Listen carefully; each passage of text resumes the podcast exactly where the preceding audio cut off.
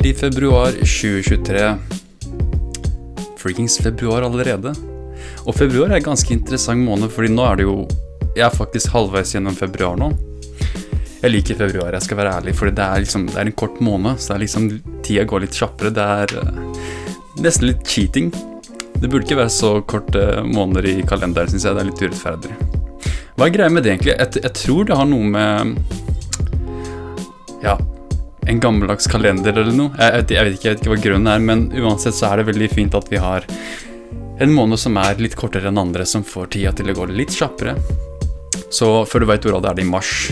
Så når vi er i mars, så går det plutselig eh, inntil våren. Vinteren er over, og så blir det sommer, og så blir det jul igjen, og så, ja. Livet går kjapt generelt. Det er kanskje litt greit å vite. Eh, noe jeg vil snakke litt om, er dette her med ufoer. Har du lagt merke til at nå plutselig er det flere sånn nyhetsrapporter om friggings ufoer?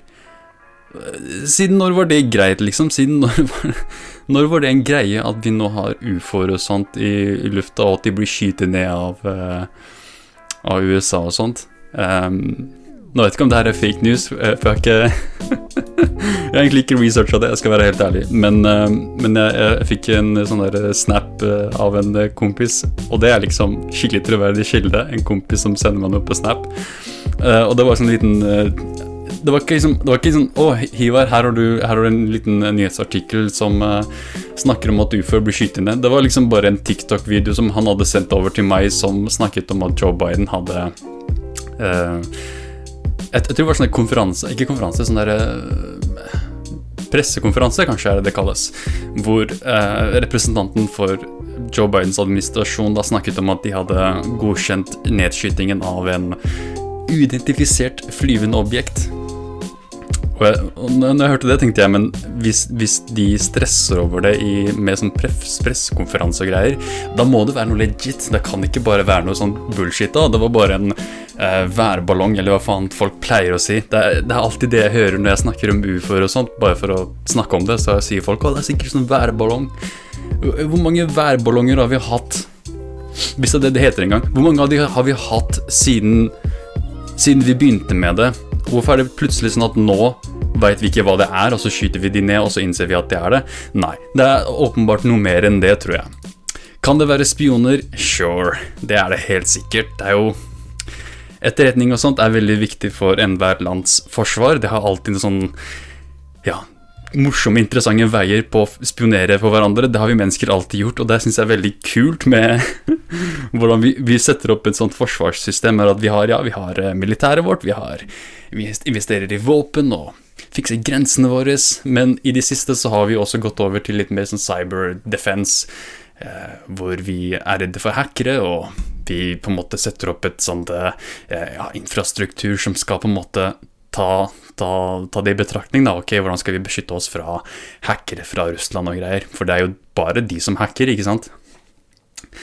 Men vi kan jo gå enda lenger tilbake for å liksom eh, diskutere dette her med etterretning og spionering og sånt. Det er jo noe mennesker har gjort siden Ja, det er vel kanskje en av de eldste jobbene som har eksistert, er å spionere på noen.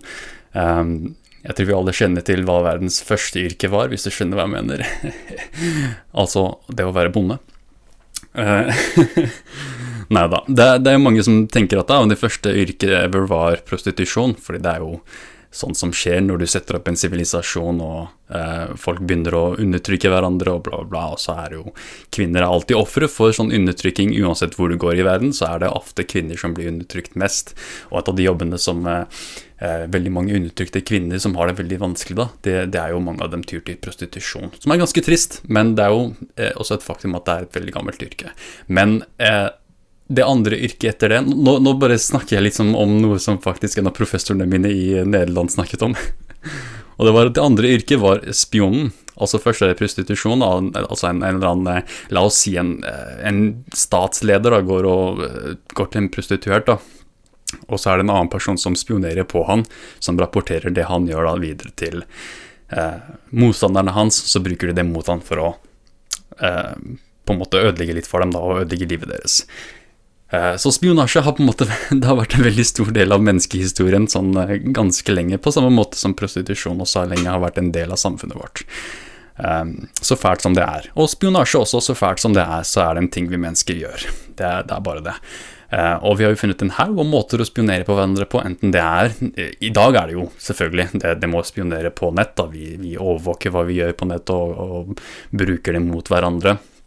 Vi har snakket jo før om dette med Hongkong, hvordan eh, de innførte en lov som eh, på en måte eh, motiverte folk til å spionere på hverandre og rapportere hverandre hvis, hvis naboen din f.eks.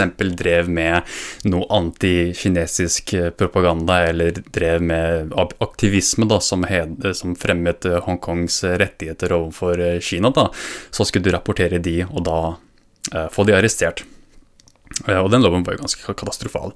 Eh, men det er sånn type cyber-overvåking. Du, du på en måte tar screenshot av det noen sier på en chatgruppe, og så sender du det til eh, myndighetene, så blir de arrestert.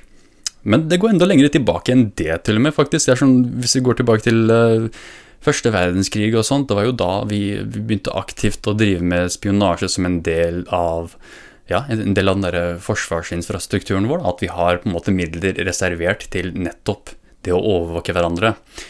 Uh, og ja, eh, USA har kanskje vært flinkest på det, men det er jo ikke de som på en måte startet tradisjonen på den måten som vi har det i dag. Mye av den tradisjonen går helt tilbake til eh, Storbritannia, som hadde blant de første etterretningstjenestene da, som overvåket fremmede land, da, ikke sant, sånn motstanderne sine. Uh, og USA adopterte veldig mye av tradisjonene til Storbritannia og på en måte gjorde det til sin egen greie. Og de er jo noe som USA vanligvis gjør. De tar noe, ja, noe vanlig da og det, ganger det med 100. ikke sant? Det er jo typisk USA. Alt skal være på steroider der. Um, uh, og jeg, tror, jeg tror etter verden, andre verdenskrig også så ble det enda mer uh, viktig. da, sånn det, De investerte enda mer ressurser til å effektivt overvåke hva, hva fiendene deres gjorde. Eh, det var jo en haug av overvåking og, spionering på eh, bl.a. Japan. da. Ikke sant? Finne måter å beseire Japan på, og da, da var spionasje veldig effektivt. Også mot tyskerne, selvfølgelig. Det er, og det er ikke bare USA heller, men det ble som sagt en type sånn tradisjon som veldig mange land adopterte. Det å spionere på hverandre. Og det begynte med sånne ting som å, du, du spionerer på uh, ja, telefonsamtaler eller på eh, Var det før telefoner igjen, den derre eh, morsekoder, når de sendte sånn derre og så spionerte de på det. Jeg husker ikke hva det heter. Den, telegraf er det. Telegraf, ikke sant? Spionerer på telegrafen og sånt. Um, og det gjorde at veldig mange utviklet sånne koder å snakke på. Da. Sånn, du, du, sier jo ikke rett ut 'Å, vi skal nå invadere dette og dette området'. Gjør dere klare, folkens? Det var ofte sendt i koder, ikke sant. Og det ble jo utviklet sånne egne eh, sånn, avdelinger innenfor disse etterretningstjenestene som jobbet med å cracke disse kodene. Og det, det ble funnet sånn en haug av ulike metoder å gjøre det på, sånn nesten matematiske formler da, som eh, gjør det mulig å, å, å cracke disse kodene. Eh, så, da, så, bare for å si at vi har en veldig, veldig lang og, og eh, ja, sterk tradisjon med å spionere på hverandre. Vi mennesker er veldig glad i å spionere på hverandre. Vi vil alltid vite hva motstanderne våre gjør. ikke sant? Og det at nå det har gått over til eh, overvåking gjennom droner, noe som er mest sannsynlig det som skjer med disse ufoene, er at det stort sett er droner. Det overrasker meg ikke i det hele tatt. Det er nok mest sannsynlig det også det er snakk om her, at det er eh, sånn type droner som overvåker og tar bilder og eh, sender det til hvem nå enn det er, da, for å få en liten oversikt over hva det er som skjer. Um, det var jo sånn vi oppdaget veldig mange sånn konflikter og sånt. Hvis du ser tilbake til kalde krigen da, med, med Cuba-krisen. Det var jo sånn vi fant ut av at Eller vi. Det var jo sånn at USA fant ut at uh, Sovjetunionen hadde installert en del uh, raketter og, og sånn atomvåpenkapabilitet i Cuba. Var nettopp via disse Hva kalles det? U2-bombers? La meg google hva det flyet het. Det var nok noe sånt. Jeg, ikke, jeg, tror ikke det var akkurat dette. Um, Lockheed U2. Dragon Lady, tydeligvis heter den. Men det var ikke nødvendigvis det. Jeg husker ikke de spesifikke navnene på de flyene de brukte. Men det var altså gjennom disse, disse flyene da, som kjørte over, eller flydde over Cuba, som tok bilder av disse eh, militærbasene i Cuba, som viste at de drev med eh, installasjon av atomvåpen. da. Og det førte jo til en, nesten en krig mellom eh, USA og Sovjetunionen. For det var liksom Nå har USA atomvåpen um, En, en, en fiendtlig stat da, som har atomvåpen retta mot dem. Um, noe som er litt teit, egentlig, for hvis du ser på hvordan USA gjorde det på den tiden her De hadde jo atomvåpen eh, og, sånne militærbaser installert i Tyrkia, som også er rett ved siden av, av Russland, og på den tiden Sovjetunionen, ikke sant? Det var enda nærmere. Så det, det, er egentlig litt hyklerisk av USA. Og sånn, hvordan våger du å, å ha sånn militærbaser med, med, atomvåpenkapabilitet rett på døra vår? Så har USA basically det i, i Tyrkia og sånt. Så det var ganske hyklerisk. Men eh, det er jo på en måte sånn vi, vi fant ut av denne, at denne konflikten startet i det hele tatt, da, var gjennom spionasje. Um, og bare dette her med atomvåpen i det hele tatt, hvordan søren fikk Sovjetunionen eh, atomvåpen? Hvordan fikk alle disse andre landene det? Jo, nettopp gjennom spionasje. At uh, folk inn, inn, i disse ja, administrasjonene og sånt, og i disse ulike organisasjonene stjal disse, denne informasjonen om atomvåpen og solgte det videre. Um, så mye av verdenshistorie verdens historie er på en måte drevet av spionasje. ikke sant? Vi, det er jo sånn, vi, sånn historien går framover, er gjennom spionasje. Vi spionerer på hverandre, lærer og bruker den informasjonen mot, mot hverandre. Men det er ikke bare militær, for nå snakker jeg om krig og militær som en som, som, eh, spionasje som en eh, strategi. da. Det er jo ikke bare det, du finner også like mye som spionasje i, i uh, ja, økonomien, kan vi si. Sånn, disse korporasjonene som spionerer på hverandre for å få informasjon om hva slags type eh, verktøy og teknologi folk utvikler. da for å da kunne utvikle like bra eller bedre teknologi, eller kanskje til og med stjele den samme teknologien. Så det skjer spionasje i alle form for uh, samfunn. Det er ikke bare militær og sånt, er, du finner det nesten overalt. Um, så disse ufo-greiene, jeg tror mest sannsynlig at det er en eller annen stat, mest sannsynlig Russland eller Kina. Jeg tror nok Kina er litt flinkere med, med når det kommer til å ha ressurser til å drive slags sånn type spionasje. Uh, ja, mot eh, USA og sånt. Men nå eh, kom jeg borti en annen artikkel her som snakker om at Canada også har skytet ned en uh, ufo i, i, sine områder. Uh, det er en artikkel fra VG. Det, det betyr da at det er den perfekte kilden til at ingenting her er feil, ikke sant? Fordi VG har aldri tatt feil før. Hvis du ikke skjønte sarkasmen der, um, så har de selvfølgelig tatt feil før. Men uh, de rapporterer også at Canadas uh, statsminister Justin Trudeau er han fortsatt i ledelsen? Holy. Han, han hadde jo masse sånne demonstrasjoner mot seg under covid-perioden, og han har fått masse sånn hat og kritikk for måten han håndterte det på. Og tydeligvis er han fortsatt i regjering. Det er veldig rart hvordan ja, hvor, eh, ja, hvor, hvor seig han er, da, for å si det sånn. De det er jo andre steder i verden da, hvor så fort eh, presidenten er involvert i en sånn type misnøye blant folket, så er det sånn at vi bytter statsleder. Men for å være litt mer fair der da så er det jo sånn at Canada og USA blant annet, de er kanskje litt mer De, de er land hvor ja, du kan klage så mye som du vil, du kan uh, hate lederne så mye som du vil, men det folk først og fremst setter pris på, er stabilitet. Og det at hvis Justin Trudeau skulle da uh, fjernes fra makten bare fordi folk ikke likte måten han håndterte covid på, det virker kanskje litt ekstremt. Um, det var jo mange som til og med hedret Canada for måten de håndterte det på, ved at de uh, ga masse penger til folk da, for å håndtere covid-krisen. Men når vi tenker på ok, nå får du en liten andel av penger da, for å håndtere covid-perioden, men samtidig så skal alt stenges ned. Det blir utrolig vanskelig å, å, tjene penger i det hele tatt, men her får du et par tusenlapper eh, til å håndtere det. Det var kanskje ikke nok, kanskje mange ville helst ha flere penger, men uh, uansett så er det bedre enn ingenting, vil jeg si. Det er garantert mange land som ga ingenting. Um, men i hvert fall Justin Trudeau har også da tydeligvis beordret uh, en uh, ja, nedskyting av en eller annen ufo i Canada. Um, han skal ha tweetet. Tenk det, freaking statsledere som tweeter uh, sånn heftig informasjon om å skyte ned ufoer og sånn. De tweeter det. Eh, han, han har tydeligvis skrevet 'Jeg beordret nedskytingen av en uidentifisert objekt som beveget seg i Canadas luftrom'. Hvor skummelt høres ikke det ut, da? Sånn du, sånn, hvis du er en statsleder og du skal på en måte Uh, helst ikke skremme livet ut av folk og ikke være sånn type varsler, eller varslende sånn greie da, hvor du, hvor du, skaper litt panikk og sånt. Uh, og så kommer du og snakker om ufoer. Du, du, beskriver det som uidentifiserte objekt, da, altså ufoer.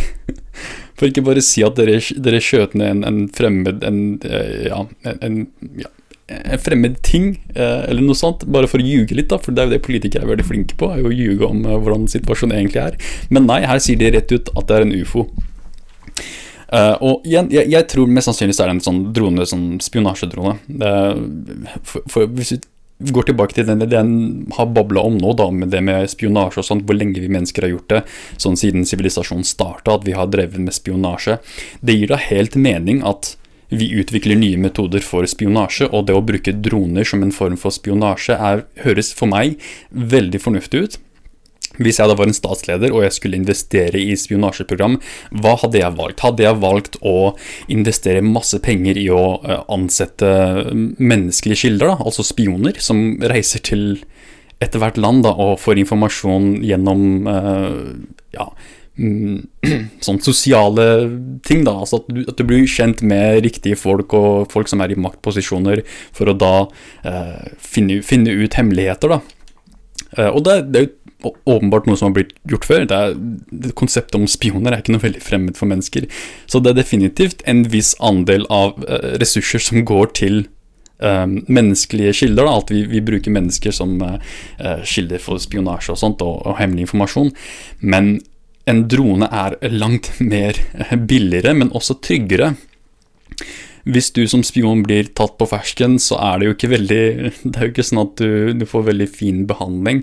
Nå tror jeg med et menneskerettighetskonvensjon og alt det der, så er det kanskje litt mindre grad av henrettelser av spioner, men i gamle dager så kan du jo forvente å bli drept hvis, du, hvis de fant ut at du var en spion. Altså at du blir henretta for å være en eh, I noen tilfeller da, sånn landsforræder. Eh, og da blir du drept, ikke sant? For det er den eneste rettferdige eh, straffen man tenkte seg for noen som var spioner og hadde forrædet landet, var var å ta livet av dem. Um, mens nå, da, hvis, hvis, du blir tatt på fersken, hva er det verste som kan skje? At dronen din, som kosta deg bare et par mill., blir skutt ned og ødelagt, og samtidig så har du allerede fått en informasjon du kanskje var ute etter? Det for meg høres veldig mer fornuftig, fornuftig, ut da, hvis jeg, igjen, hvis jeg skulle være en statsleder og investere i effektiv spionasje, så er drone, drone, bruk av droner ganske eh, fornuftig å bruke. Um, men la oss nå ta på oss uh, den der konspirasjons-tinfoil-hatten og spekulere litt om noe mer mystisk. Kanskje aliens, dere? Tenk deg det, at det er aliens som blir skutt ned av uh, Ja, av, av Justin Trudeau. Tenk deg det, du er en alien fra planet Shmaglobab, og så kommer du hele veien til jorda. Du har teknologien til å reise i lysets hastighet. Du liksom Du kommer fra den ene enden av galaksen til hit, uh, og så blir du skutt ned av Justin Trudeau. Sorry, ass, men da er du ikke veldig imponerende alien. Da, da, har ikke du gjort jobben din riktig. Da har du virkelig driti på Ja. Men uh, Er det sannsynlig Er det sannsynlig at det er en alien, dere? Jeg vet ikke, hva, hva, tror du helt ærlig? Tror du det er aliens som blir skutt ned her? Fordi det er ikke så lenge siden uh, de slapp ut denne videoen som viser en sånn mystisk flyvende objekt. Det var en eller annen jetfly uh, som eh, USA hadde, som hadde tydeligvis jaget en uh, ja, ufo. da, for Hvis de definerer ufo, så er det jo bare det der. Det er en uidentifisert flyvende objekt. som tydeligvis var kjappere enn flyet og fløy i veldig sånn uh, rare mønstre. Den fløy, fløy, liksom ikke rett fram eller uh, opp og ned, den bare liksom gikk slik som den ville, og så klarte den å slippe unna flyet, jetflyet, ikke sant. Er, nå snakker vi om fly som kan fly ganske kjapt. Du har helt sikkert uh, sett hvis du er ute, da plutselig ser du liksom Du ser de oppå himmelen, at det er liksom disse flyene som flyr kjapt forbi. Så du kan tenke deg hvor kjappe de er. Og at dette flyvende objektet da flyr kjappere enn det, og i en mer fleksibel eh, sånn flygemønster også, det er litt sånn what the hell, hva er det egentlig som skjer her? Uh, og de kom jo ut og, altså med de mener jeg myndighetene i USA kom ut og sa at mm, vi veit ikke hva det her er. Um, og folk som ser på videoen, kan spekulere så mye som de vil. Sånn, ah, det, er, det er værballong. er det det? Er værballonger virkelig så avanserte? um, eller at det er en drone. ikke sant? Fordi droner har jo den fordelen med at de, de har litt mer fleksibilitet i lufta. De, de, er liksom Ja, de er ikke så Ja, de er ikke like tunge, kan man si, som et sånt eh, stort jagerfly. Uh, og de har kanskje evnen til å fly i ulike mønstre også. Uh, hvis du har sett på de der små dronene som kan fly opp, ned, høyre, venstre, ikke sant, og så Ja. At de er veldig fleksible, da, på en måte. Kan det være det? Det kan det helt sikkert. Men nå, nå snakker vi også om denne, denne, videoen jeg nevner her. Da. Den var jo enda gamlere enn, eller eldre enn uh, når vi utviklet den teknologien, uh, egentlig. Men igjen, bare for å se på ting fra begge sider her, så vil jeg nok si at Mest sannsynlig så har den teknologien eksistert veldig lenge, men det var ikke før veldig senere da at man uh, ga den teknologien videre til uh, offentligheten. da. Det er jo ofte sånn når man utvikler en ny form for teknologi, at eh, det først er brukt for eh, militære hensikter. Da. Um, og så da, etter et par år, så blir de da utgitt til uh, befolkningen da, som en type sånn offentlig greie. Uh, Internett er jo av samme uh, origin. Hva er origin på norsk igjen? Jeg husker ikke. Men det er i hvert fall slik internett også startet. Det startet som en sånn type militærgreie, eller en veldig sånn eh, akademisk greie, da, som egentlig var ment for ja, ja, begrenset tilgang, da, men senere ble det utgitt til, eh, til vanlige folk. Da, at eh, jeg og du kan på en måte ja, Du kan sitte og høre på en podkast som jeg har laget for et par dager siden, ikke sant? og så kommer det ut, så hører du på det. Det er bare den bare at, at, vi har kommet der, liksom. Det er veldig, veldig, veldig kult, ikke sant. Men det startet da som en type sånn eh, at, at myndighetene investerte i det og fiksa det. Så det at eh, noe samme kan ha skjedd med disse dronene, at den teknologien egentlig har vært der ganske lenge, men at det er ikke før nå vanlige folk har gått rundt og bruker det, det, det gir jo helt mening. Og nå er det jo ja, fordi når jeg tenker på droner, da, så tenker jeg fortsatt sånn Jeg tenker sånn 2016-2017, men uh, det er jo lenge siden nå. Så nå har det sikkert utviklet seg en haug av teknologier som vi mennesker uh, Eller vi mennesker, herregud. Vi vanlige folk ikke kan uh, forstå fordi myndighetene ikke har vist det til oss. så er det sannsynlig at det mest sannsynlig er en Eh, heftig eh, avansert drone som en, en, eller annen stat har laget, eller kanskje som USA har laget, eh, og USA bruker til å overvåke Kina og Russland, som da russerne har, eh, eller kineserne har eh, oppdaget og stjålet teknologien og, og brukt den sjøl. Kan det også være sannsynlig? Ja, jeg vil nok si det. Jeg vil nok si at eh, det er veldig sannsynlig at det er det som har skjedd her også, med disse nye dronene og spinasjedronene. Um, fordi det, det, er jo nettopp det disse spionasjegreiene gjør. ikke sant? Du finner teknologien til din eh, ja, ikke nødvendigvis allierte, men dine motstandere. da, Så bruker den teknologien sjøl til å utvikle, utvikle, en lignende form for uh, uh, forsvarskapabilitet. Um, men hvis, hvis, det er aliens, igjen hvis det er aliens, så er det ganske patetiske aliens, altså. Skjerpings. Igjen, hvis du tenker på at dette er, dette er et folk som har kommet fra planet Shumagla Dublabab, og så har du reist fra hele enden av galaksen, og så kommer du til jorda.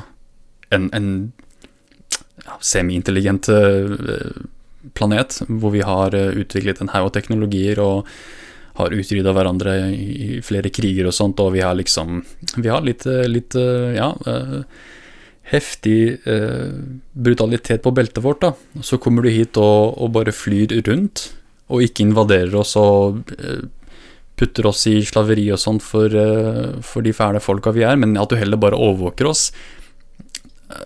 Da kan du gjøre det på bedre måter, tenker jeg. Da kan du like godt sikkert overvåke oss i verdensrommet. Så må du komme ned på ned til Canada alle steder og overvåke hva, hva, som skjer der. Og hvorfor USA? Hvorfor er det slik at Sånn jeg skjønner i filmer og sånt at aliens alltid kommer til USA fordi det er liksom de som er the big bad. ikke sant? Det er alltid tøffingene i USA som, eh, som aliensa må liksom eh, først beseire før de kan se til resten av verden.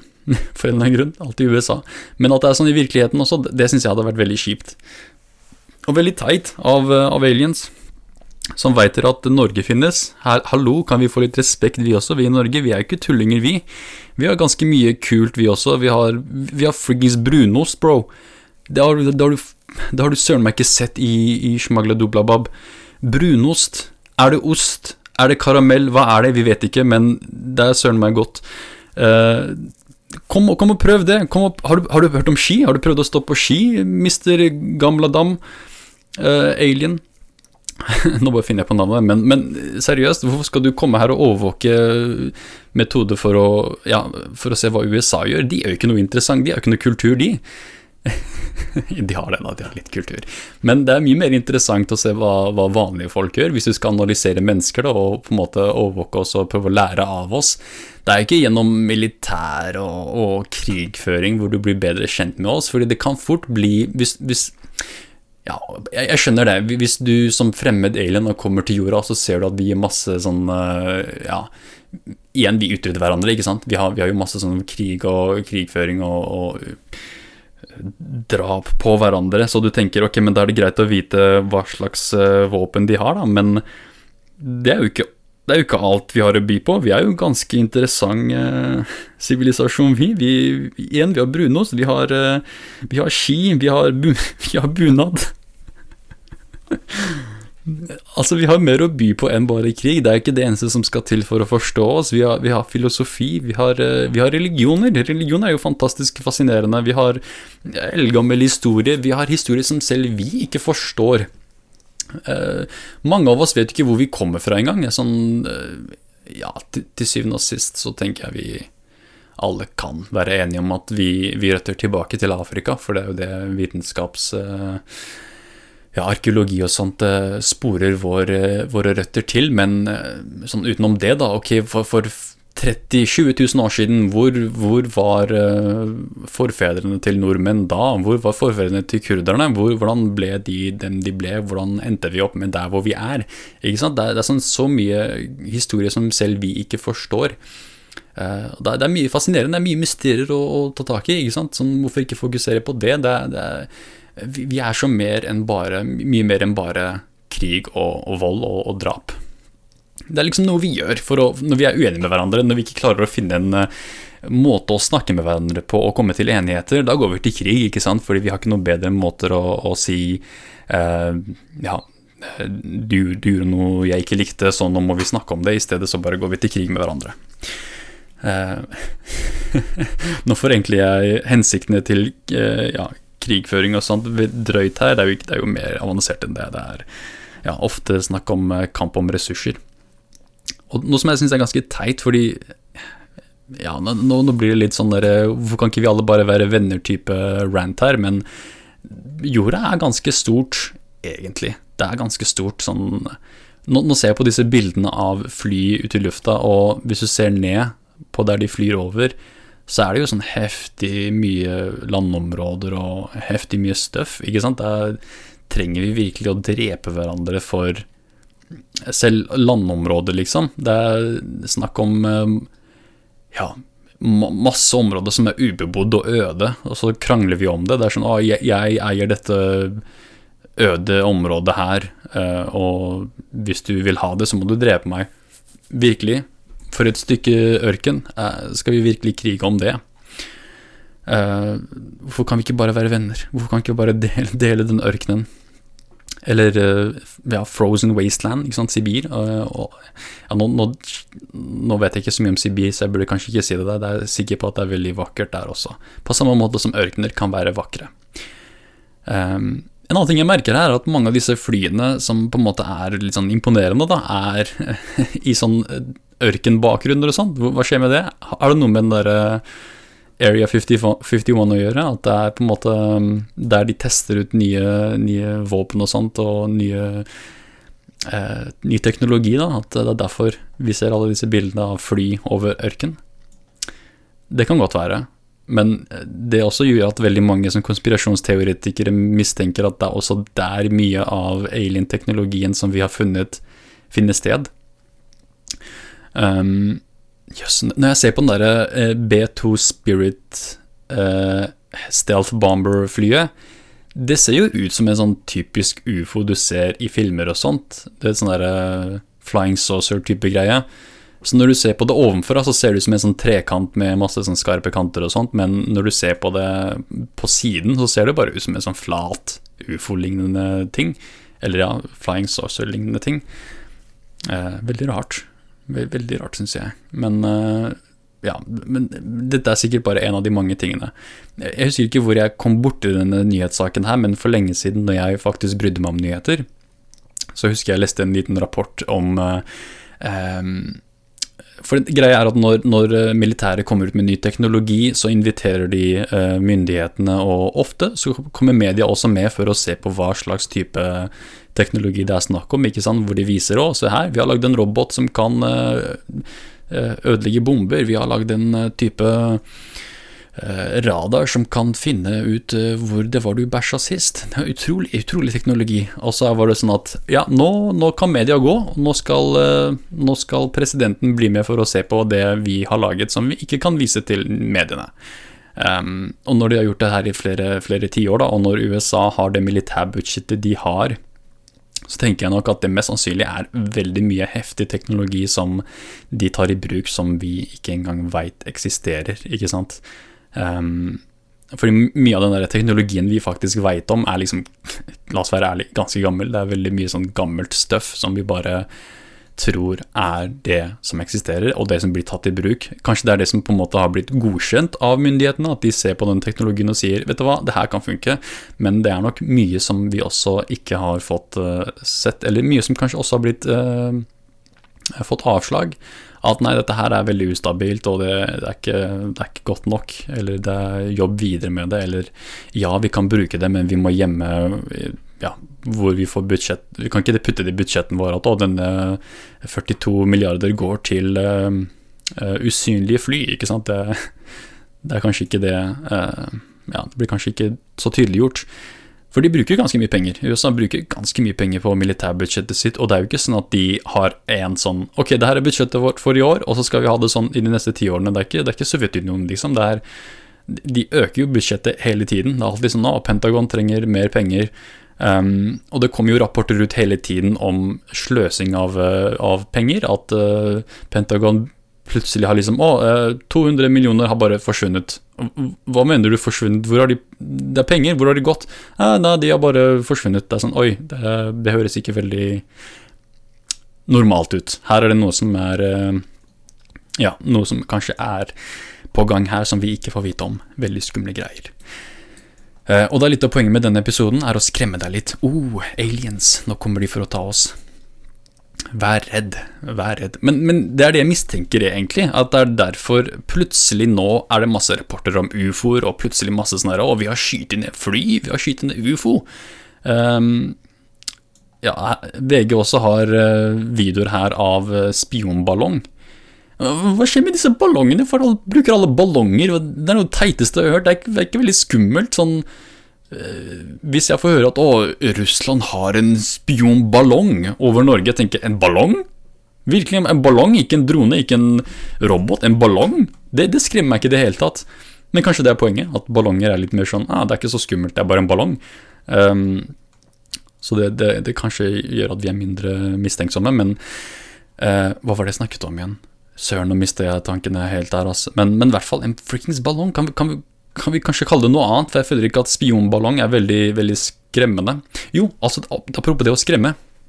Sorry her, nå har jeg drukket altfor mye kaffe, så jeg snakker litt uh, rart her. Men uh, jeg mistenker at det er det som er problemet her, er at uh, mediene Noe som er veldig typisk for medier, er at de fungerer ofte som en type som propagandaarm for myndighetene.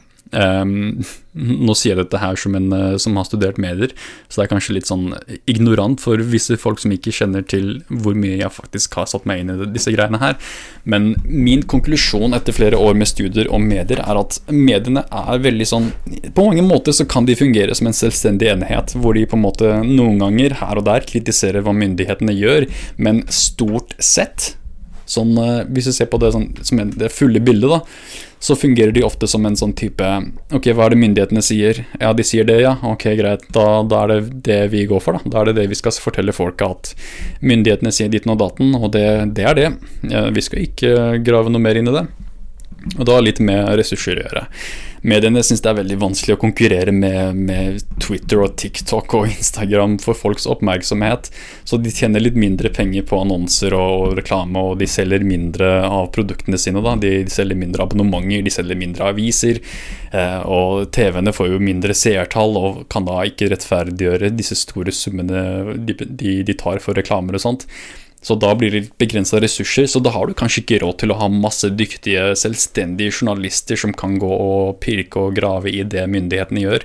Det er da mye lettere å ha en eller annen eh, ja, en eller annen journalist da, som driver og overvåker uh, stortingsmeldingene eller meldingene som eh, regjeringen gir ut, da, og på en måte gjør det om til en artikkel og skriver og uh, Arne Birkebein fra partiet Ditten og Datten sier Ditten og Datten, og så er det det. Det er ikke noe mer enn det.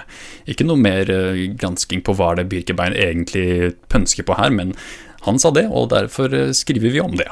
Eh, så når jeg ser disse, at plutselig nå er det masse sånne rapporter om ufoer og uh, ufoer, ikke sant? Fordi hvis du, hvis du kaller det en mystisk objekt og ikke en spiondrone, eller mest sannsynlig en spiondrone, da, men du, når du bruker liksom litt sånne sexy begreper, da, sånn uh, ufo, wow, uidentifisert objekt Uh, da skaper det litt mer sånn at, at En som meg, da, som egentlig ikke har, følger med så mye på nyhetene lenger, kommer på podkasten her og snakker om det fordi jeg selv begynner å bli litt redd her.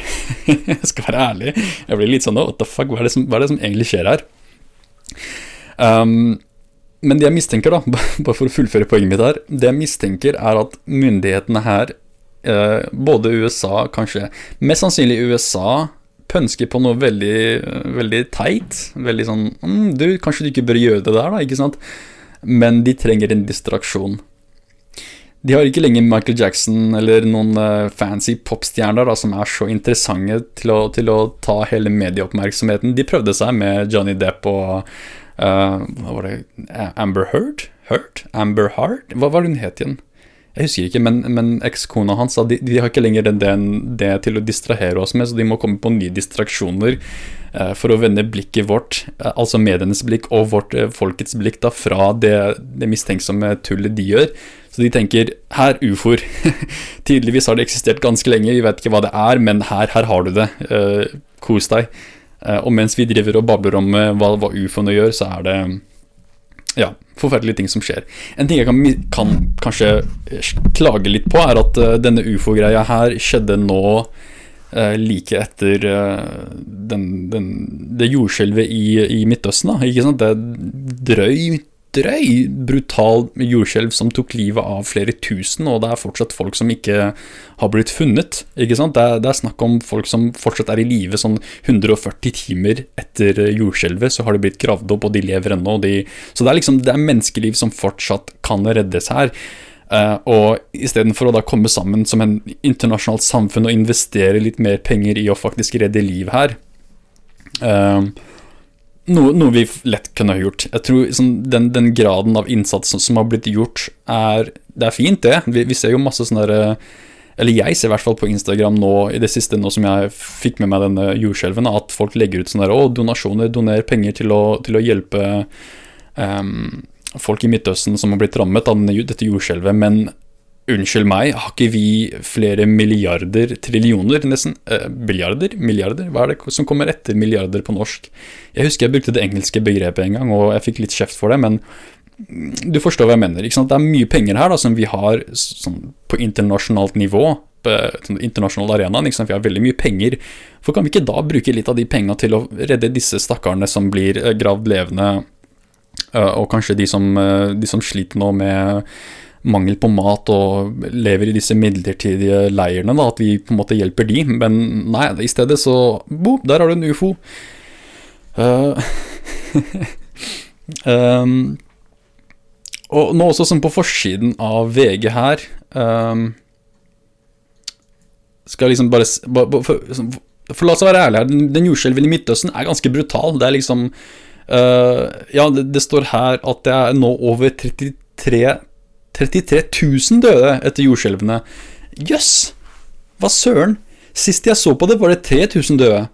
Og nå er det plutselig 33 000, altså, altså 30 000 ekstra folk som har, i, tillegg da, som har mista livet, uh, uh, tydeligvis. Det er, jo in, intenst mye! 33 000 folk, du! Tenk deg det!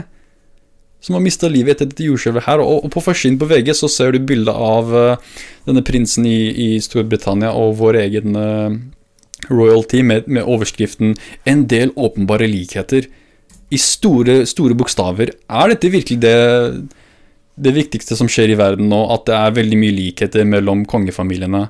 Det er koselig, det. Veldig koselig, men hva, hva med, hva med jordskjelvet? Eh, og under den igjen så er det, ja Nye detaljer om mystisk objekt med bilde av Justin Trudeau som ser ut som han uh, nettopp har, har, hørt at aliens finnes, med det blikket. Og under det igjen, ut mot skistjernen, stor tabbe. Virkelig, VG. Det er dette som er viktig for mennesker og, Eller viktig for nordmenn å vite om. Eh, ikke det at eh, 33 000 mennesker har dødd i et land som har veldig mange eh, av sine borgere her i Norge også. Det er jo ikke som om Tyrkia er veldig fremmed for oss nordmenn. Mange, mange nordmenn reiser jo til Tyrkia for uh, uh, ferier og sånt. De drar dit på ferie, koser seg og har det gøy på stranda. Og ikke bare det, men hvor mange tyrkere, hvor mange kurdere, hvor mange turkmenere, hvor mange arabere bor det i Norge? Er, er ikke det en del av uh, det, norske folk, at vi har en del folk fra Midtøsten? da?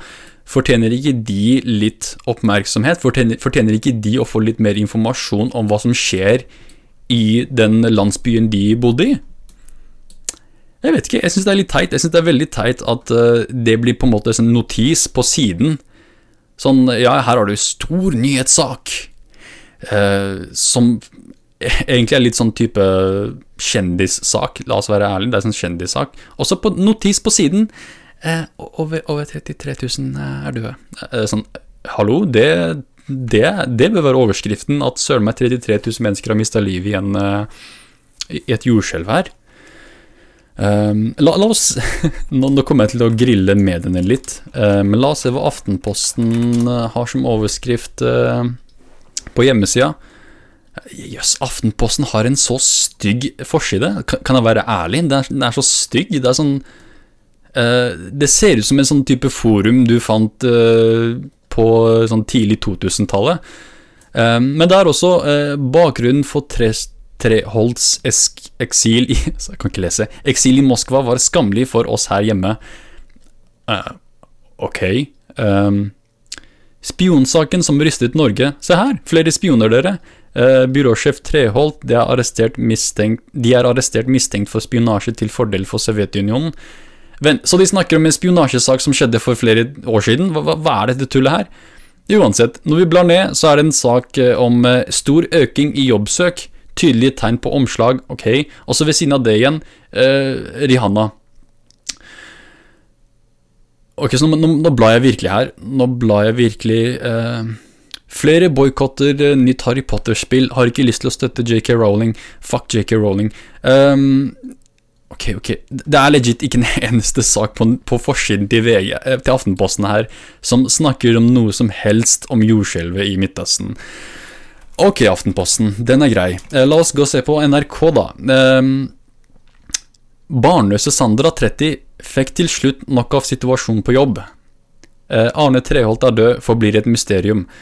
Eh, kom til Norge som flyktning, mange opplever at livet har mistet mening. Eh, flyktet kinesisk selv Så du forstår hva jeg mener her. Det er liksom ikke Det, det er ikke nok um, Her også, jøss! Yes.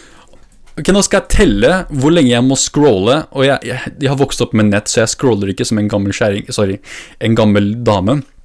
Uh, og så skal jeg scrolle nå, skal, så skal jeg telle helt til hvor jeg først kommer borti uh, nyheter om jordskjelvet. Ok, én, to, tre, fire, fem.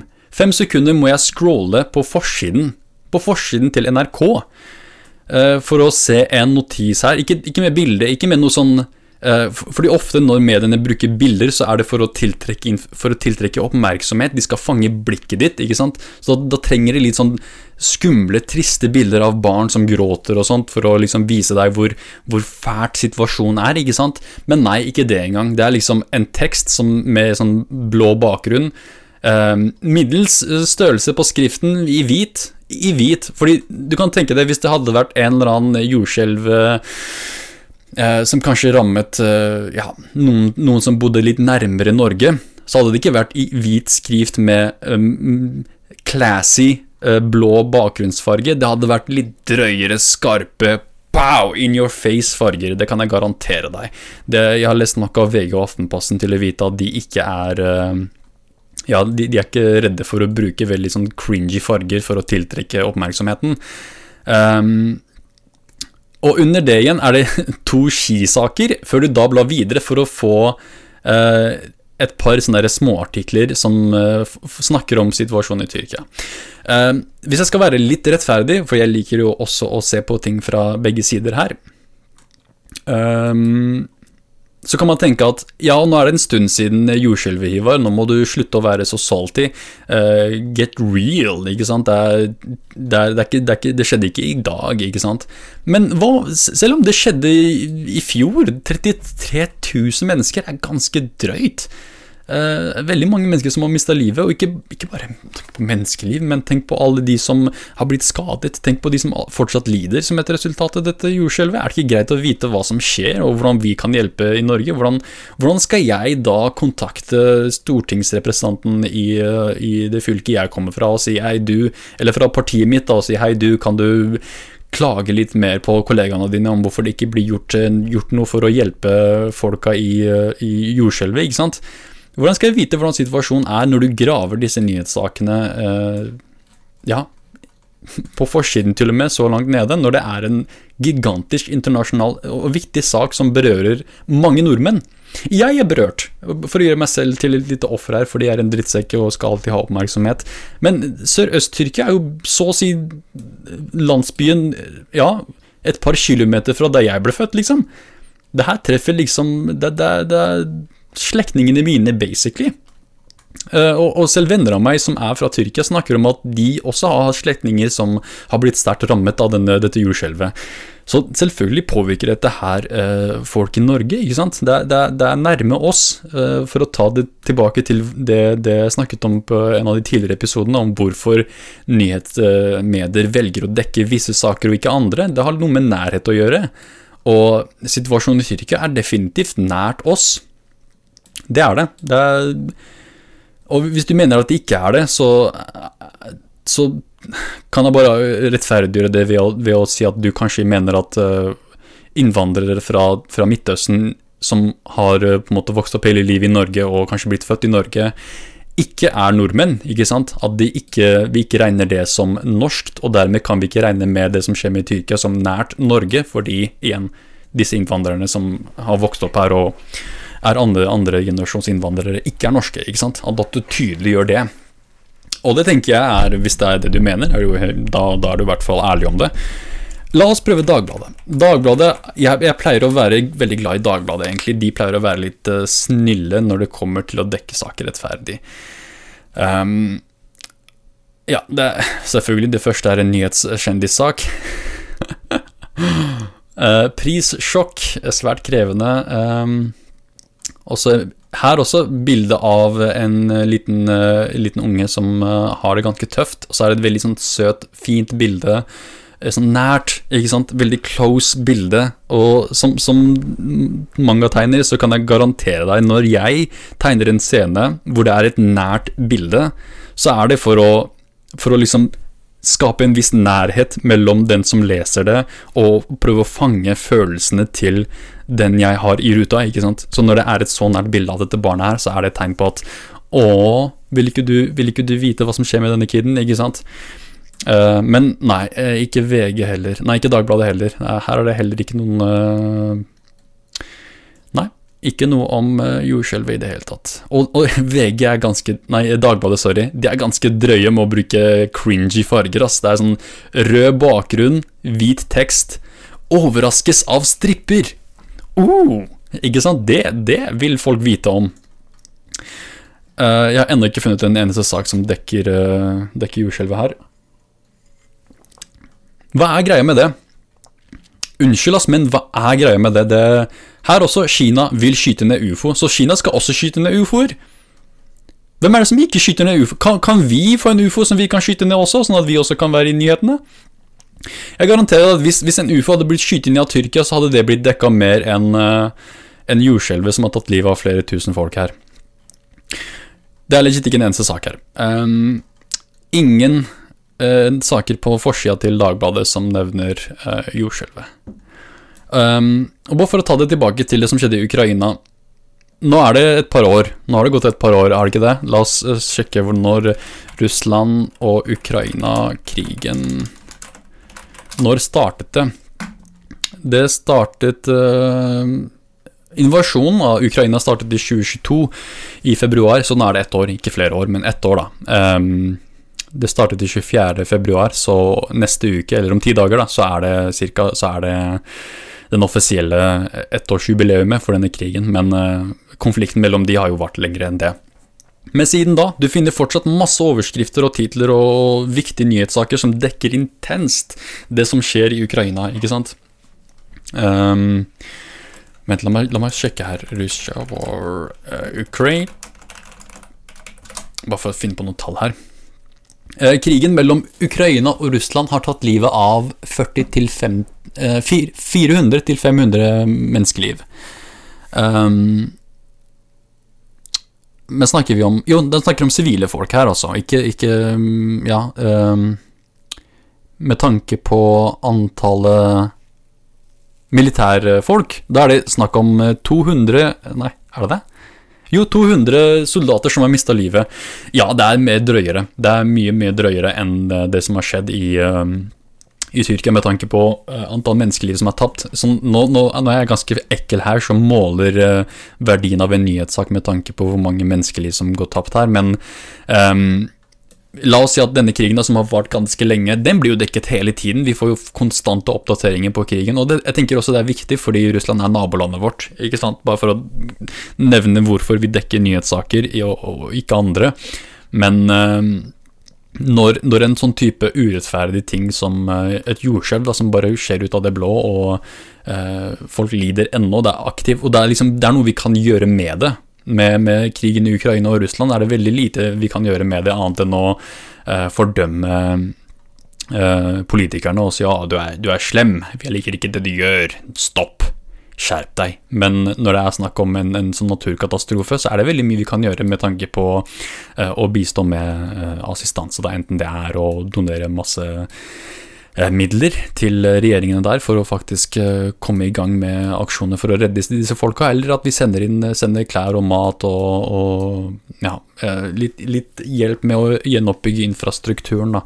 Fordi det er ganske drøy jordskjelv som har ødelagt veldig mye. Det er liksom ikke, igjen, det er ikke bare menneskeliv som har gått tapt der, men det er ja, en enorm, enorm mye infrastruktur som har blitt ødelagt. Så det er veldig mye vi kan gjøre for å faktisk redde livet her, og det er noe vi kan gjøre for å gjøre verden til et litt bedre sted etter en sånn drøy, uh, urettferdig og sånn tilfeldig uh, naturkatastrofe, da. Men jeg syns det er veldig teit Jeg synes det er veldig teit at vi ikke blir dekket uh, like mye. Men er det derfor vi får alle disse ufo-sakene? Jeg vet ikke. Jeg, det må være noe mer enn det. Det kan ikke bare være fordi uh, ja, myndighetene ikke vil donere altfor mye penger for å hjelpe fattige kurdere og tyrkere som blir drept av jordskjelv, og arabere, beklager. Eh, jeg skal alltid gjøre ting sånn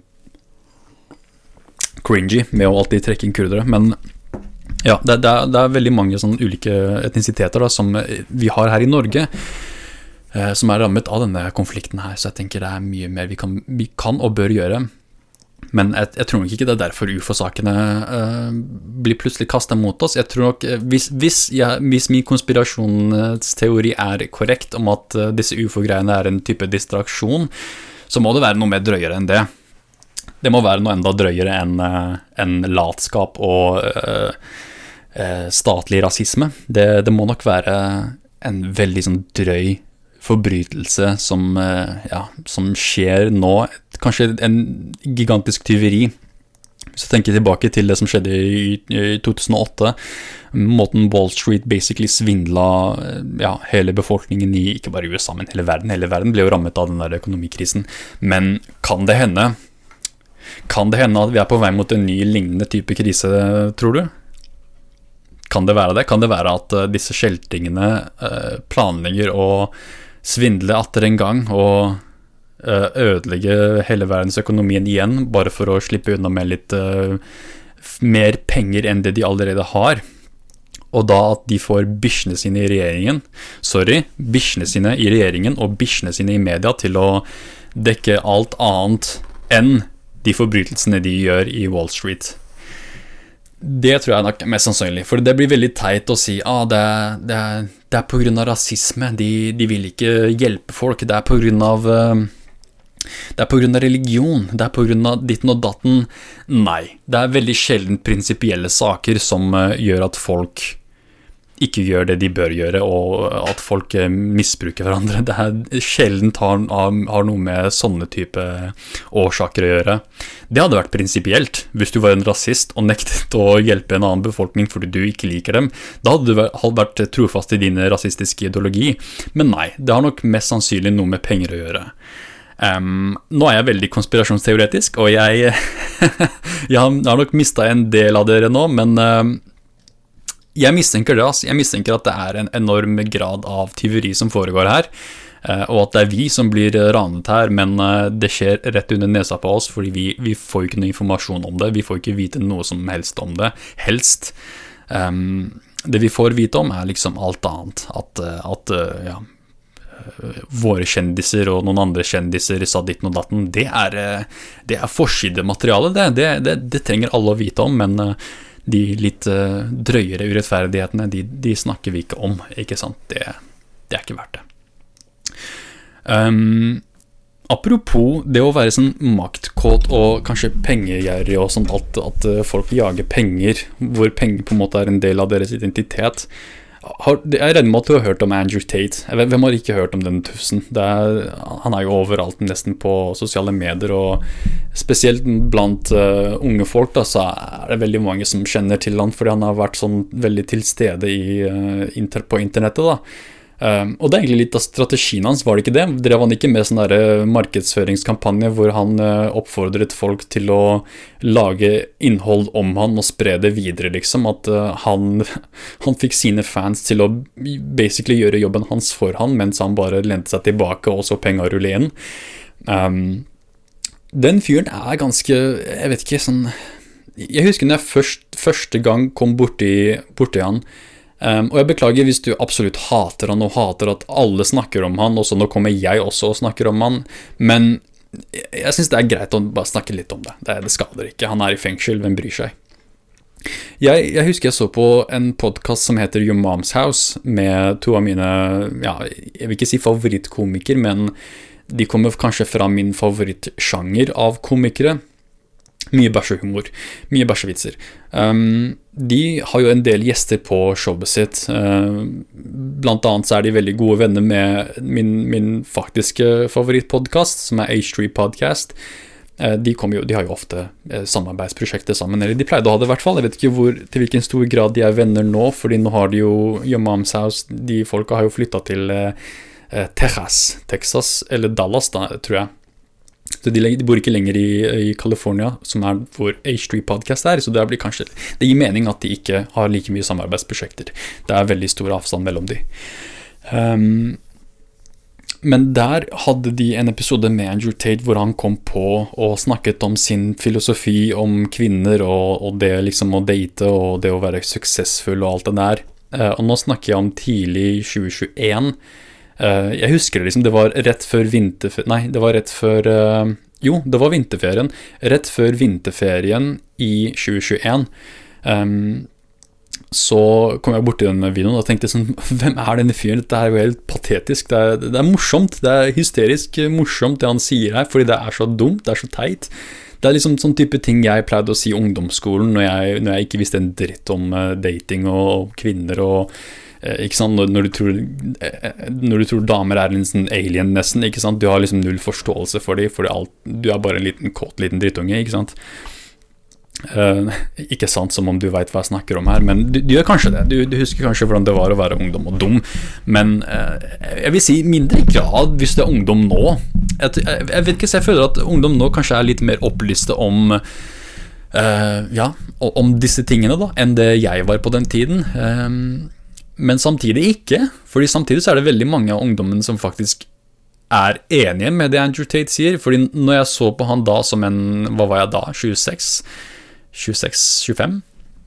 Da var liksom Herregud, denne fyren her er jo en fullstendig dust. Han er jo helt idiotisk, ikke sant. Det, sånn, det var det uh, synet mitt var på han, at han er en fullstendig idiot. Faktisk, når jeg tenker tilbake, jeg tror det var vinterferien 2022, ikke 2021. Um, men uansett, sånn, jeg lo av det. Jeg syntes det var morsomt. Det var liksom underholdning. det var liksom, Selvfølgelig er dette en karikatur. Jeg likte han på samme måte som jeg liker Borat. Det er liksom åpenbart eksisterer ikke Borat som en ekte figur. ikke sant? Det er en, det er en sånn type uh, Det er rollespill. Det er, det er, for, det er for, gøy. ikke sant? Det er tull. Det er bare tull. Uh, og samtidig så gjør han og sier han forferdelige ting, og drøye ting, ikke sant, for humorens skyld. Og det var, det var slik jeg anså Andrew Tate, at selvfølgelig er det han sier helt idiotisk og, og teit, men det er morsomt fordi det er liksom ting som uh, igjen 13 år gamle gutter som ikke har snakka til en jente før, ville ha sagt. Um, så, så, jeg så, så, på mer som en sånn han, er, han, er, bare en sånn uh, ja, Borat-karakter. For han var en åpenbart sånn, nesten en uh, stereotype av den type person han an, uh, sånn, angir seg for å være. ikke sant? Kommer inn med solbriller inne, masse tatoveringer, skalla hode ser ut som et egg. Um, stygt skjegg og, og sånn liten fyr. ikke sant? Ikke, ikke akkurat en veldig sånn tradisjonelt uh, maskulin og bolafy. Det er som en liten, liten spinkel uh, kickbokser eller noe. Uh, som sier drøye ting. Det, liksom, det er det du mistenker liksom, Når du hører folk si de tingene han sier, det er liksom sånn person du ser for deg. En åpenbart tulling. Sånn som Borat, de tingene Borat sier. Du ser for deg en Borat-lignende fyr som kan si sånne ting, ikke sant? fordi det er liksom så stereotypisk. Så var det samme synet jeg hadde på Andrew Tate, at han, han, er bare en karikatur. Han er ikke en ekte person, ikke sant. Uh, og jeg tror nok Andrew Tate også tenker det samme. Jeg tror han definitivt vet hva han gjør. Han er dum, men han er ikke så dum. Han vet definitivt hva han gjør, men det, og igjen, mange, mange, av oss som så det, vi, vi, ler av det fordi vi tenker selvfølgelig er dette teit. ikke sant? Det er, det er, åpenbart ikke sånn ting fungerer. det er ikke sånn, du, du, får ikke masse kjærlighet og respekt ved å være en forkastelig person mot kvinner. ikke sant? Ved å være en kvinnehater. Det er ikke sånn du gjør det. ikke sant? Du må definitivt ikke oppføre deg sånn for å, for å få litt kjærlighet. Um, men uh, det betyr ikke at noen folk der ute ikke tror på han. Og det overrasket meg intenst når folk, voksne folk nå, Fordi nå dret jeg litt på ungdom og sånt, men når jeg kom bort til voksne folk som delte videoene hans og inform informasjonen han gir ut, da, og sånn uironisk Sånn når jeg og kompisen min uh, så på videoene hans, det var sånn ironisk. ikke sant? Det er sånn, Dette er jo bare dust, ikke sant? men det er, det er gøy. Det er, liksom, det er morsomt. Men nei, de, de, gutta jeg som sendte meg det, de voksne folka, de, de var liksom Ja, si sannhet. Så, akkurat sånn det er. Det er sånn, Bro, hva er det du snakker om? Du er gift og har kone. hva er det du sier? Hvordan kan du faktisk tro på det tullet han sier her? Åpenbart er han fake. Åpenbart så er han en løgner og prøver å skamme folk. Hvordan har du ikke skjønt det? Men de hadde ikke skjønt det. De hadde definitivt ikke skjønt det. Selv når det blir tydelig at han, han driver med basically menneske, menneskehandel og, og uh, misbruker kvinner, da, og, og, er en voldtektsmann og en, en tyv, basically. En, en, svindler, ikke sant. Du, du, som på samme måte som Wall Street svindler folk, han, han svindler folk også. Um, Wall Street er definitivt mer brutal, men for meg virker Andrew Tate som en sånn person som ser urettferdighetene med hvor mye penger Wall Street stjeler, og tenker shit, Verden er urettferdig. Hvordan kan disse rike folka bare være så drøye og gi faen i normale folk og vanlige folk og arbeiderne, og bare utnytte dem på den måten der? En vanlig person ser på den urettferdigheten, urettferdigheten og tenker Søren, altså, vi, vi, må gjøre noe med det. Vi, vi, må rydde opp her. Vi må fikse systemet her. Vi kan ikke la det være slik. Men Andrew Tate han ser på det systemet her og tenker Jeg liker det. Hvordan kan jeg bidra? Hvordan kan jeg også gjøre det samme her? Ikke sant? Hvordan kan jeg også svindle folk og fattige folk og, og misbruke dem og, og, tjene meg rik på dem? Det, det for meg gjør han til en forkastelig person. Sånn, hvis han virkelig er så eh, irritert og bitter over det The Matrix, som man sier, det systemet ikke sant, som på en måte gjør verden til slik den er, da. Du løser ikke det problemet ved å så å si gjøre det samme, ikke sant? Hvis du ser en skog brenne, du kaster ikke mer uh, ja, drivstoff på, på ilden. Liksom. du prøver å slukke den, du finner metoder for å slukke den. Uh, noen ganger så kreves det ild, du må slå ild med ild, men det han gjør, er å bare helle på mer på der, det, der du ikke skal gjøre det. ikke sant? Altså du, du gjør basically det situasjonen verre. Og det er akkurat det han gjør. Folk, folk blir utnytta som bare faen, uh, og de, de, søker etter en vei ut, de søker etter hjelp, og så kommer, borti, uh, kommer de borti Andrew, Andrew Tate, da, som basically gjør det samme. Ikke sant? Her er det bare mer svindel. Ja, ja, du blir svindla av samfunnet der og der, du blir, eh, du blir, du blir ikke hørt, du blir behandla som søppel. Kom til meg! Jeg skal late som jeg bryr meg, samtidig som jeg stjeler penga dine. Så å si det han gjør. Fordi de tipsene han gir disse rådene han gir For det første, det er dårlige råd. Det, sånn, det funker ikke. Det, det, er ikke sånn du, du uh, Ja, du, du, blir ikke sånn flink med damer ved å behandle damer som dritt. Du blir flink med damer ved å behandle deg selv, og damene, ikke sant, selvfølgelig, men du må, du må fikse deg selv først. Du må rydde opp der i, i din situasjon først, før du kan gå ut og kreve at damer skal gi deg mer oppmerksomhet. Uh, og det er en av de få tingene jeg er enig med Jordan Pearson om når det kommer til dette her med å fikse opp livet ditt først. da, sånn, Ja, du, du, du, du ser masse urettferdigheter i samfunnet, eller du tenker at uh, du, har ikke den Du blir ikke behandla slik som du vil bli behandla, men samtidig byr ikke du på noe dritt. Du gjør ikke noe. ikke sant, Du bare sitter på rommet ditt og røyker en joint hele tiden. Du kommer ikke noe vei med det. ass, Du må, du må rydde opp i livet ditt, du må fikse deg sjæl først. Skaffe litt struktur i livet ditt. Våkne opp klokka åtte. Skje med å våkne opp klokka tolv, klokka elleve hver dag faen slags liv er det? ikke sant? Det er sånn, Du må først fikse deg selv opp, før du kan begynne å kreve at andre skal gi deg mer oppmerksomhet. Um, uh, og, og, bare det å liksom interagere med kvinner som måten, måten den han behandler kvinner på, er liksom måten du uh, forventer en, uh, en rockestjerne skal behandle strippere på. Det er liksom, hva søren, det, det her er ikke vanlige folk. ikke sant? Det er ikke sånn du behandler liksom jenta du har vært forelska i i tre år nå. Hvis du har vært forelska i noen i tre-fire år, og du, du, hører på Andrew Tate, og han forteller deg at du skal gå til henne og si 'Hei, bitch, sug pikken min! Bare sug pikken min lite grann, så skal du få noe mer av meg.' Det er sånn, skal du få litt penger av meg til å fucking kjøpe makkeren, ikke sant? Det er ikke sånn, what the fuck, hvem, er det som er sånn, ikke sant? Men det er det, det han ser for seg, at uh, det er liksom sånn du får respekten til kvinner ved å behandle dem som søppel. Men eh, jeg vet at noen av gutta mine spesielt er sånn Ja, men bro, det er sant, og da er noen kvinner liker å bli behandla som søppel. Vel, da, er det, da, er det, en veldig ustabil person du har kommet borti. Altså. Da, er det det er ikke en veldig sunn menneske du har, du har blitt kjent med hvis, hvis, de liker å bli behandla fælt. Hvis de liker å bli behandla som søppel, da, ikke, da, trenger en person hjelp. Da trenger de ikke bare at du kommer og på en måte um, ødelegger livet deres mer. Ikke sant? Det høres ut som en person som trenger hjelp og driver med selvskade, rett og slett. Um, men ja, jeg syns det er ganske, ganske, teit at han har på en måte blitt uh, sett på som en legitim uh, veileder. Det er sånn, Hva, hva søren er det som skjer her? Når, når, en sånn søppelperson som han på en måte kan tjene seg rik på å svindle folk som faktisk trenger hjelp, og faktisk trenger litt uh, struktur i hverdagen sin. Jeg hadde sagt uh, les Jordan Peterson sine bøker, men han er jo en transfobisk nisse som også, også er ja, til en viss grad rasist. Beklager, jeg burde ikke anklage folk for å være rasistiske og transfobiske uten å direkte kunne henvise til kilder. Eh, men definitivt ikke en fin person, og definitivt en ganske motbydelig person. Men det er kanskje det som er litt synd, er at de eneste som kommer og når ut til disse denne, den ungdommen da, som trenger litt veiledning og, og, litt hjelp, og på en måte er en farsfigur for dem, er disse forkastelige folka. Folk på venstresiden Jeg skal være ærlig, det som, den type kritikk jeg har mot de som er på venstresida, er at vi tilbyr ikke mye veiledning og, og, og råd. Vi, vi, er, vi, er, mye flinkere til å fordømme og eh, spise våre egne. ikke sant? Hvis du f.eks. er en ungdom da, som på en måte ikke, ikke aner hvordan du skal snakke til jenter og eh, behandle folk med respekt, da, Eh, Istedenfor å si sånn, det er sånn du gjør det. Her, her, er måten du kan uh, bli et bedre menneske på. Si hei til folk, smil til folk, spør om hvordan de går og genuint bry deg. Nei da, i stedet sier vi på venstresiden fuck deg, skam deg, hvorfor kan du ikke snakke til jenter, skam deg, for eksempel. Vi er, vi er, mye flinkere på å, å, å på en måte shame oss selv, altså folk som på en måte kan være på vår side og faktisk mest sannsynlig ønsker å være på vår side vi er mye flinkere til å fordømme dem enn å, enn å faktisk uh, by på en hjelpende hånd og, og løfte de opp.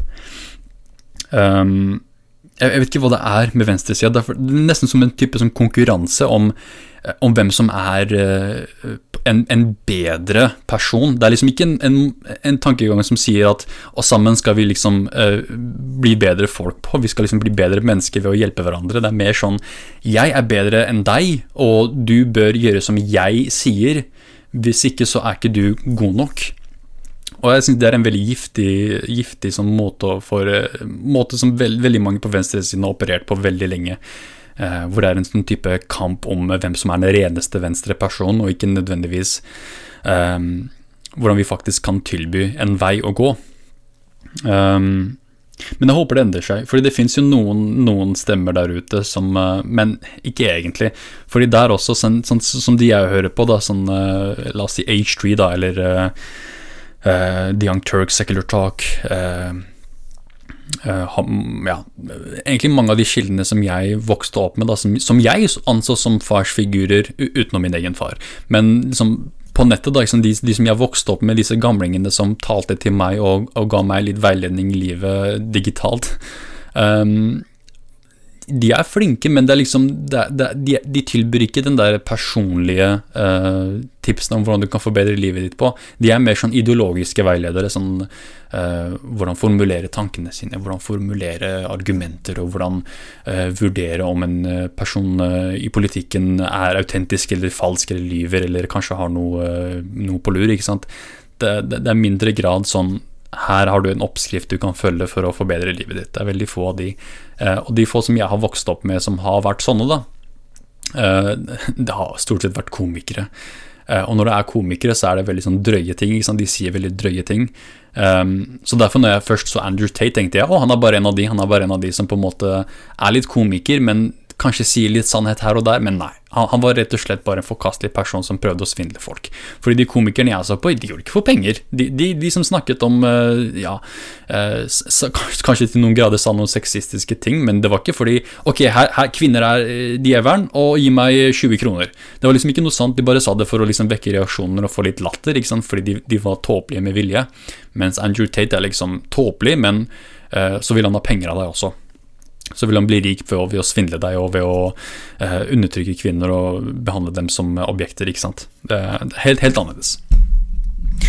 Vel, nå har jeg gått over en time her. Det var ikke meningen. Um, det her ble en ganske toxic samtale, ble det ikke det? Syns ikke du jeg var litt toxic akkurat nå, egentlig? Det var litt uh, ja, Litt for mye kaffe, kanskje. Jeg skal prøve å kutte litt ned på kaffen til neste gang. Um, er det noe mer som skjer i livet? Uh, jeg jobber jo med min neste tegneserie nå, så det, jeg er litt sånn uh, dratt inn i det arbeidet, for å være ærlig. Um, nå til um, uh, Er det vinterferie nå? Er det det? Hva er det som kommer før vinterferien? Sånn Etter jul så har man jo en ferie. Er det vinterferien som er etter juleferien? Jeg tror det. Jeg tror det. Men i hvert fall i vinterferien så skal jeg være i Bergen. Så hvis du er i Bergen eh, 27. Eh, februar, som er min vinterferie Jeg vet at folk på Østlandet har vinterferie eh, på en annerledes tidspunkt, men hvis du er i Bergen, så har du vinterferie på samme tidspunkt som jeg har. Så hvis du er i byen da 27. Uh, februar, eh, kom innom Litteraturhuset og tegn litt manga med meg skal vi stjele litt japansk kultur og gjøre det til vårt eget. Litt eh, cultural appropriation. Ehm, det er alltid litt koselig. Um, jeg tror jeg har et par andre steder også som jeg skal være. Jo, Fredrikstad er faktisk uh, neste uke, så neste helg så er jeg i Fredrikstad. Um, det er der jeg faktisk først leste manga, jeg har sikkert snakka om det før. Men det biblioteket så skal jeg holde uh, et uh, mangakurs um, fra klokka 11 til klokka 3. Fredrikstad bibliotek, så kom der og tegn manga med meg. du kan være 16 år, du kan være 26 år, du kan være 46 år. Jeg, jeg, for meg er det samme hvor gammel du er. Det, det har ikke så mye med innhold å gjøre. Det er, det er, jo du som skal skape disse fortellingene her. Det eneste jeg gjør, er å gi deg tips og, og verktøyene til å skape din egen mangaserie. Så hvis du har gjerne lyst til å bli en mangaskaper sjæl, så kan du få noen tips av meg om hvordan du kan faktisk komme i gang med fortellingen din. Så hvis du bor i Fredrikstad eh, 18. Eh, februar så er jeg i Fredrikstad bibliotek. Og hvis du bor i Bergen 27. februar så er jeg i Bergen. Jeg håper å se deg der, og jeg håper å tegne manga med deg der. Uh, ellers så kan jeg bare si uh, takk for meg, og ha det bra. Dette var Hivar, og nå litt heftig musikk.